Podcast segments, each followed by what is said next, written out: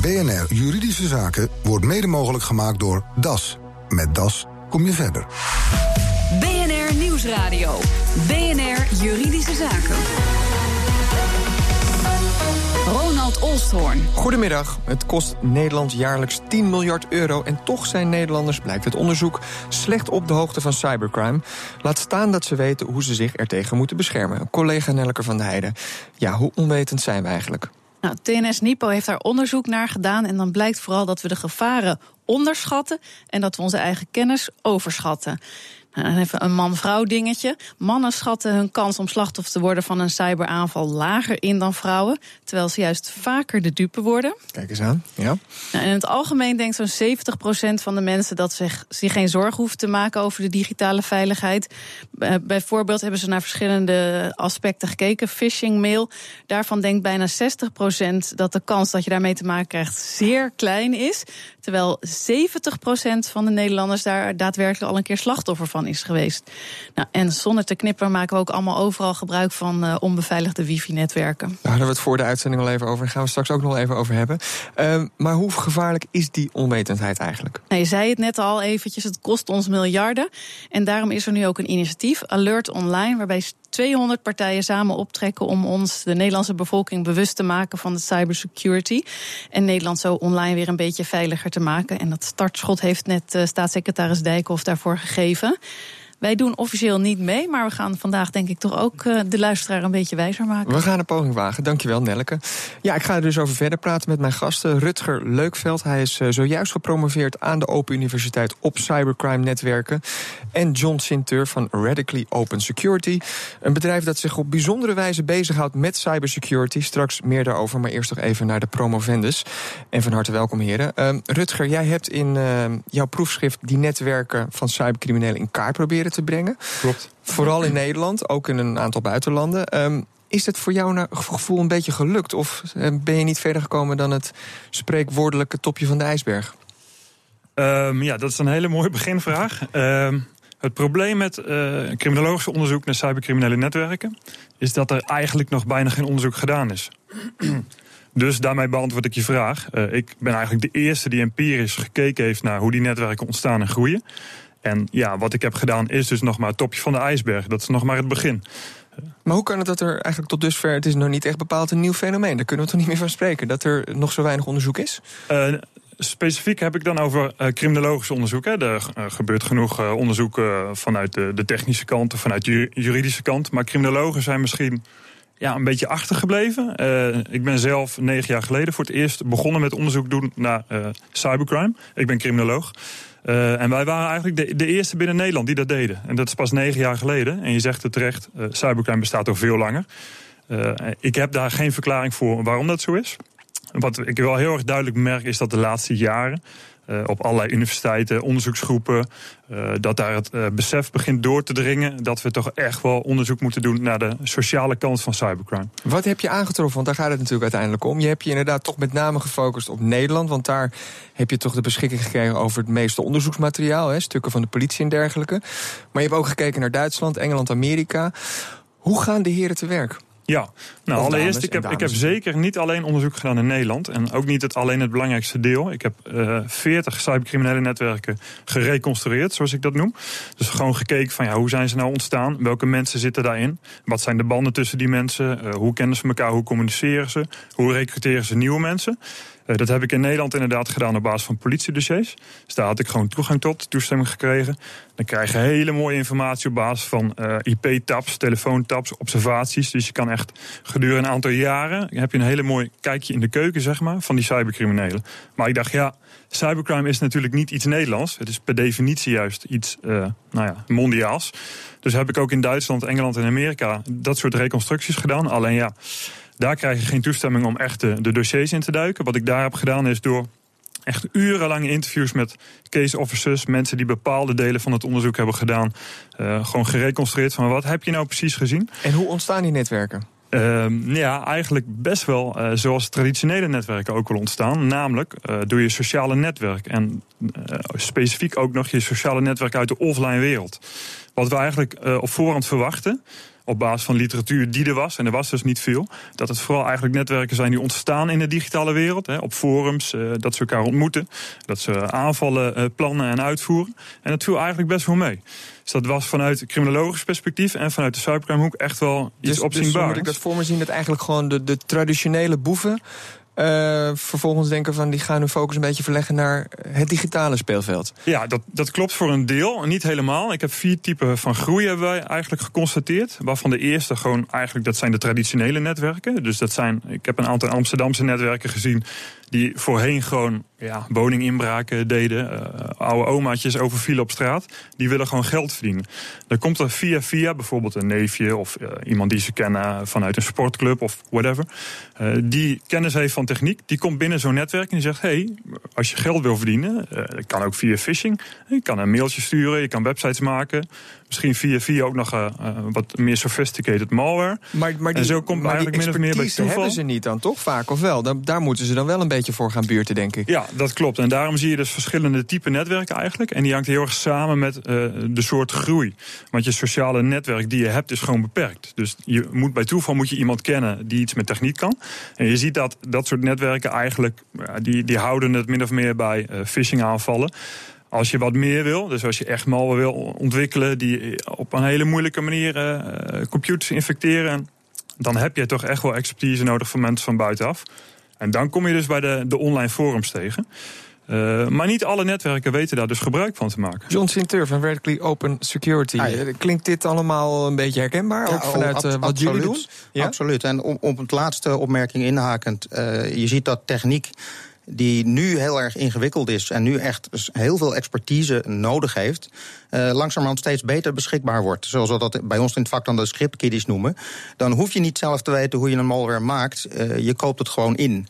En dat inkopen wordt helaas dan ook steeds makkelijker. Uh, omdat de, de, maar koop je dat dan in en dan maakt dat kan dus weer overal ter wereld zijn. Dus dan, dan kom je meteen weer met die internationalisering van deze vorm van criminaliteit uh, in aanraking, denk ja, ik. Het internet is wat dat betreft heel simpel. Grenzen, dat is iets, uh, ja, dat, dat speelt in de offline wereld, maar online zijn er eigenlijk nauwelijks grenzen. Zeker niet als het om dit soort software en het uh, kopen, maar ook het inzetten van dit soort software.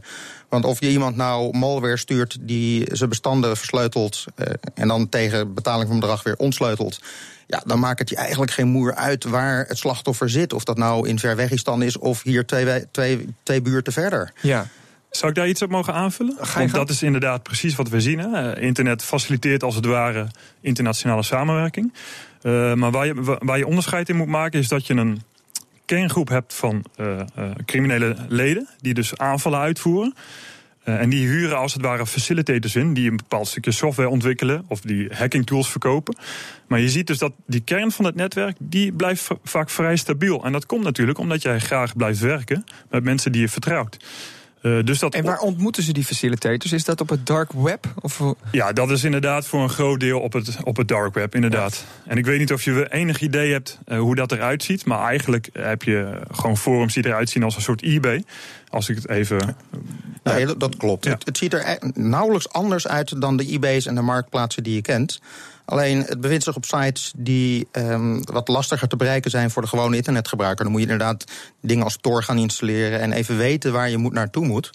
Maar weten waar je naartoe moet is in Google te vinden. Dus op die manier kun je, kun je vrij makkelijk echt de is het dan ook vrij makkelijk voor de opsporingsinstanties om ook te bekijken wat zich daar allemaal afspeelt? Nou, ze kunnen op zich kijken wat er afspeelt, maar achterhalen waar die server staat, wie er zaken doen en op, met, met wie ze zaken doen, dat is juist door die Tor-technologie eh, vrijwel onmogelijk gemaakt. Nog even kort voordat we even naar de reclame gaan, maar ik heb ook het gevoel dat we dus een duidelijk onderscheid moeten maken tussen enerzijds de low-tech cybercriminaliteit Zeker en anderzijds de high-tech cybercriminaliteit. En low-tech, zeg ik, low-tech is dan even voor het gemak de, de phishing mailtjes.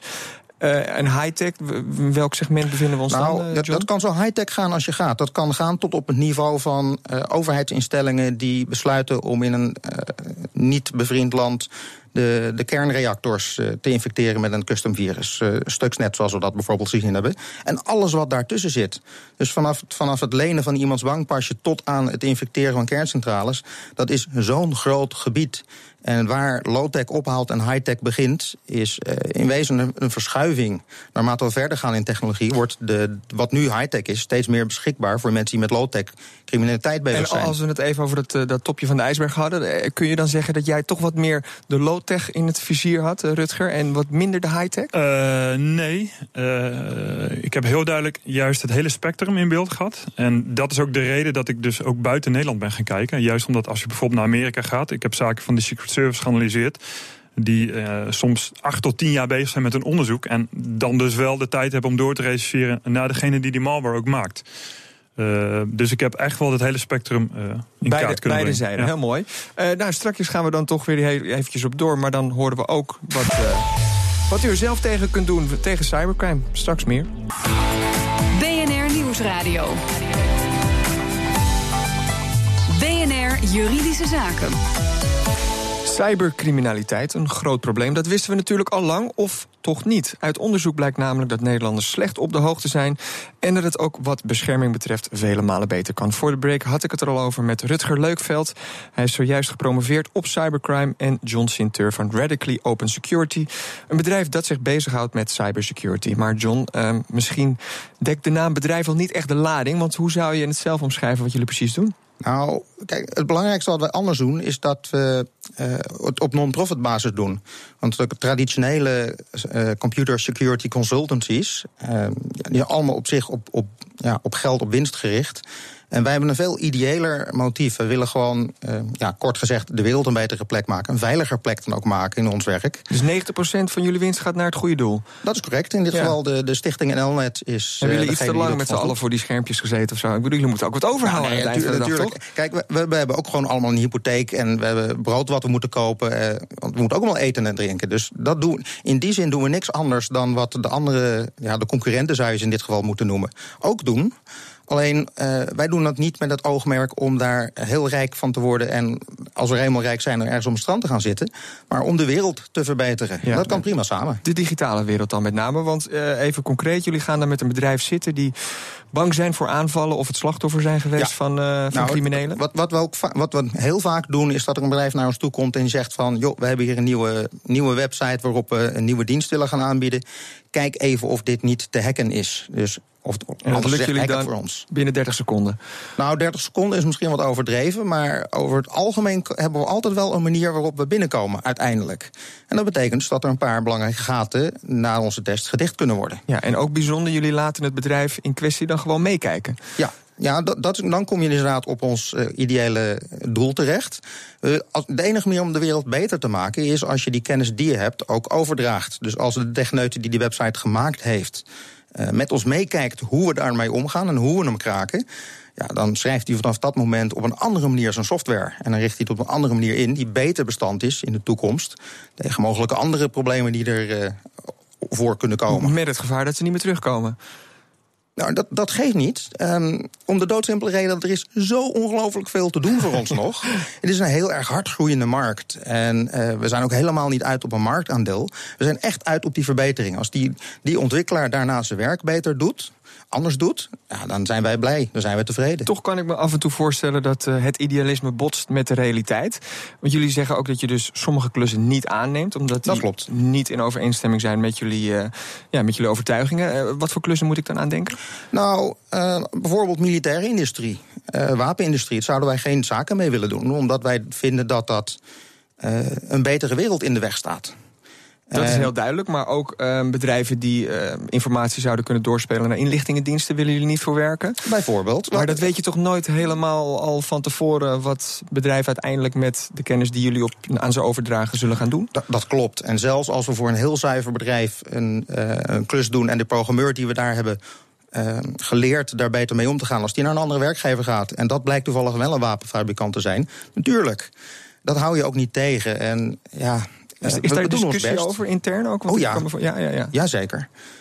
Ongoing. We hadden voor de uitzending, uh, had ik met je andere gasten nog even over.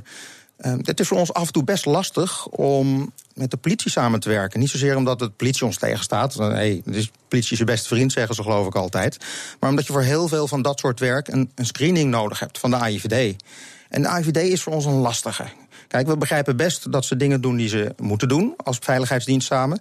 Maar dankzij meneer Snowden en de NSA en al het nieuws eromheen weten we ook dat ze dingen doen ja, die niet passen binnen wat, wat wij vinden dat zou moeten gebeuren. Wat, wat wel en niet kan. Ja. En dat maakt het voor ons heel lastig om eh, mee te werken aan het krijgen van dat soort screenings. We hebben het dus over cybercriminaliteit. Uh, Rutger Leukveld heeft daar een uh, uitvoerig onderzoek naar gedaan. Hebben we het dus zojuist al eventjes over gehad. Maar Rutger, um, wat John dan met zijn bedrijf doet, is dat de manier of een manier om je te beschermen tegen cybercriminelen? Nou, de manier bestaat niet, denk ik. Ik denk dat jij het daarmee eens bent. Helemaal. Maar zeker een manier. Die bedrijven, nou ja, ik denk ook wel dat de markt uh, zo ontploft is de afgelopen jaren.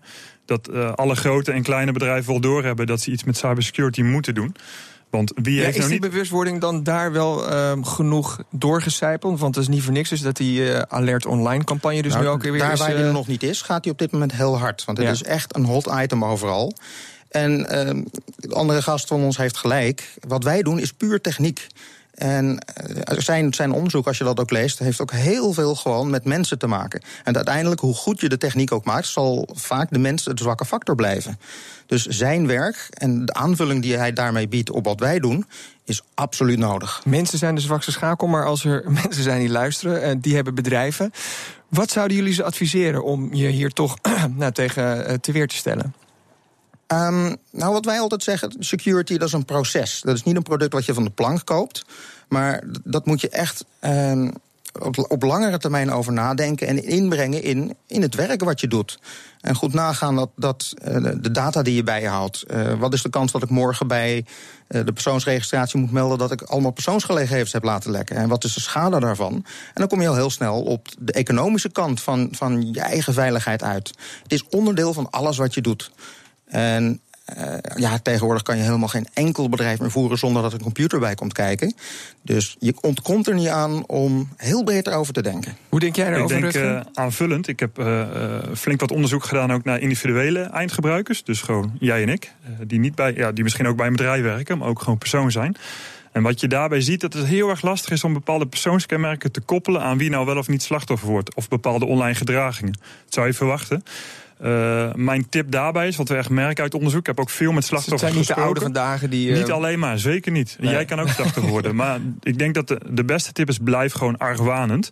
En dat is de enige manier, want uh, als je een phishing mailtje... die kun je nu herkennen, maar die schrijven ze zo net weer anders... Ja. dat je er toch in trapt. Dus Zelfs ik, denk dat ik dat... die in het vak zit, moet er altijd over na blijven denken. Zelfs ik zou erin kunnen trappen. Een hele goede argwanende houding is dus aanbevolen. Uh, die, die campagne die dus nu loopt, Alert Online, uh, zet dat ook een beetje zo aan de dijk, denken jullie? Ik hoop het. Ja. Het is alles, alles helpt natuurlijk, ja, ja zeker. zeker. En meer onderzoek, hè, Rutger Leukveld? Al, ja, dat zeker dat meer onderzoek naar de criminelen, okay. absoluut. Ik dank jullie wel. Uh, cybercrime-wetenschapper Rutger Leukveld... en John Sinter van Radically Open Security. En dan gaan wij eventjes door naar de juridische vraag. En die is van Eva, want Eva was te laat met betalen... maar ook weer niet zo laat dat een incassobureau de boete nog moest innen. Waarom dan wel incassokosten? Het verslag is van Nelke van der Heijden. Eva, je was laatst in de trein bleek dat je niet ingecheckt was. Nou, ik dacht eigenlijk wel dat ik ingecheckt was. Want ik was door langs het paaltje gelopen en ik had uh, met mijn overchipkaart langs, uh, was ik er langs gegaan. Maar kennelijk te snel, want in de trein bleek uh, bij controle door de conducteur dat ik dus niet had betaald. En dat betekende dat ik uh, het kaartje moest uh, betalen... maar kreeg ook nog eens een boete van 50 euro eroverheen. Dat is wel even pech. Maar goed, je was niet netjes ingecheckt, dus ook wel weer terecht? Nou ja, terecht, terecht. Ik, uh, ik, nou ja, ik, ik heb, kreeg een brief thuis gestuurd... waarin stond dat ik die 50 euro moest betalen... En ja, die heb ik een beetje te lang laten liggen. Toen kreeg ik op een gegeven moment een herinnering. En toen ik die herinnering binnenkreeg, toen heb ik toch die 50 euro uh, betaald aan de NS. Maar het klinkt een beetje of het verhaal nog niet helemaal afgelopen is. Nee, nee, want toen, had, toen ik die 50 euro had voldaan aan de NS... kreeg ik uh, daarbovenop ook nog eens een keer een brief uh, van een incassobureau... waarin stond dat ik weliswaar die 50 euro boete aan de NS had voldaan... maar dat ik ook nog eens een keer hun werkzaamheden, want zij waren inmiddels door de NS ingeschakeld, dat ik hun werkzaamheden zou moeten betalen. Maar ze hadden helemaal geen werkzaamheden aan je, want ze wisten dus blijkbaar dat je die boete al had betaald. Ja, ze wisten al dat ik die boete had betaald. Maar kennelijk vonden zij dat, doordat ze waren ingeschakeld, dat ik ook nog hun kosten eh, zou moeten betalen. En wat vind jij daarvan? Nou ja, ik, ik vind dat op zijn minst een beetje vreemd. Ik vind dat dat iets is tussen de NS en het incassabureau. Ik heb die 50 eh, euro boete voldaan. Ik denk dat zij dat moeten oplossen. Dus ik vraag me af, ja, wat moet ik nu doen? En ik ben ook een beetje bang dat, uh, ja, dat het bedrag op gaat lopen. Dus ik vraag me echt af wat ik nu moet doen. Manita Hamberg van AMS Advocaten. Eva vraagt zich af of ze nou echt die incassokosten wel moet betalen. Nou, hier is het besluit vergoeding voor buitenrechtelijke incassokosten relevant. Uh, en daarin is in elk geval opgenomen dat de herinneringsbrief die zij heeft gekregen aan bepaalde vereisten moet voldoen. Zo moet in die herinneringsbrief nog een termijn van 14 dagen worden gegund om alsnog te betalen. En als er uh, niet binnen die termijn wordt betaald, dat er dan incassokosten verschuldigd uh, zijn en ook de hoogte daarvan. Nou, wat ik hier uit haar vraag afleid, is dat zij die 50 euro boete alsnog heeft betaald, maar na die 14 dagen termijn die haar in de herinnering is gegund. En dat betekent dat zij alsnog die incassokosten wel verschuldigd is. Maar dat incassobureau wist dat ze inmiddels betaald had. Want dat staat in die brief. Is het dan niet een beetje overdreven? Nou ja, het komt uh, onsympathiek over misschien voor deze mevrouw. Uh, maar een soortgelijke kwestie is ook al eerder aan een rechter voorgelegd. En toen heeft die rechter gezegd uh, dat er geen specifieke nadere incasso-handelingen verricht hoeven te zijn. wil men aanspraak kunnen maken op die incassokosten. Dus ja, mocht dit voor de rechter komen, dan, dan trekt deze mevrouw wel aan het kortste eind.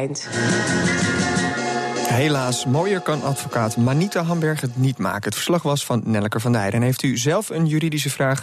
Mail hem ons. Het adres is juridischezaken.bnr.nl. Dit was de uitzending voor vandaag. U kunt hem nog eens terugluisteren via bnr.nl slash juridische zaken. Mijn naam is Ronald Olstorn. Tot de volgende zitting. BNR Juridische Zaken wordt mede mogelijk gemaakt door DAS. Met DAS kom je verder.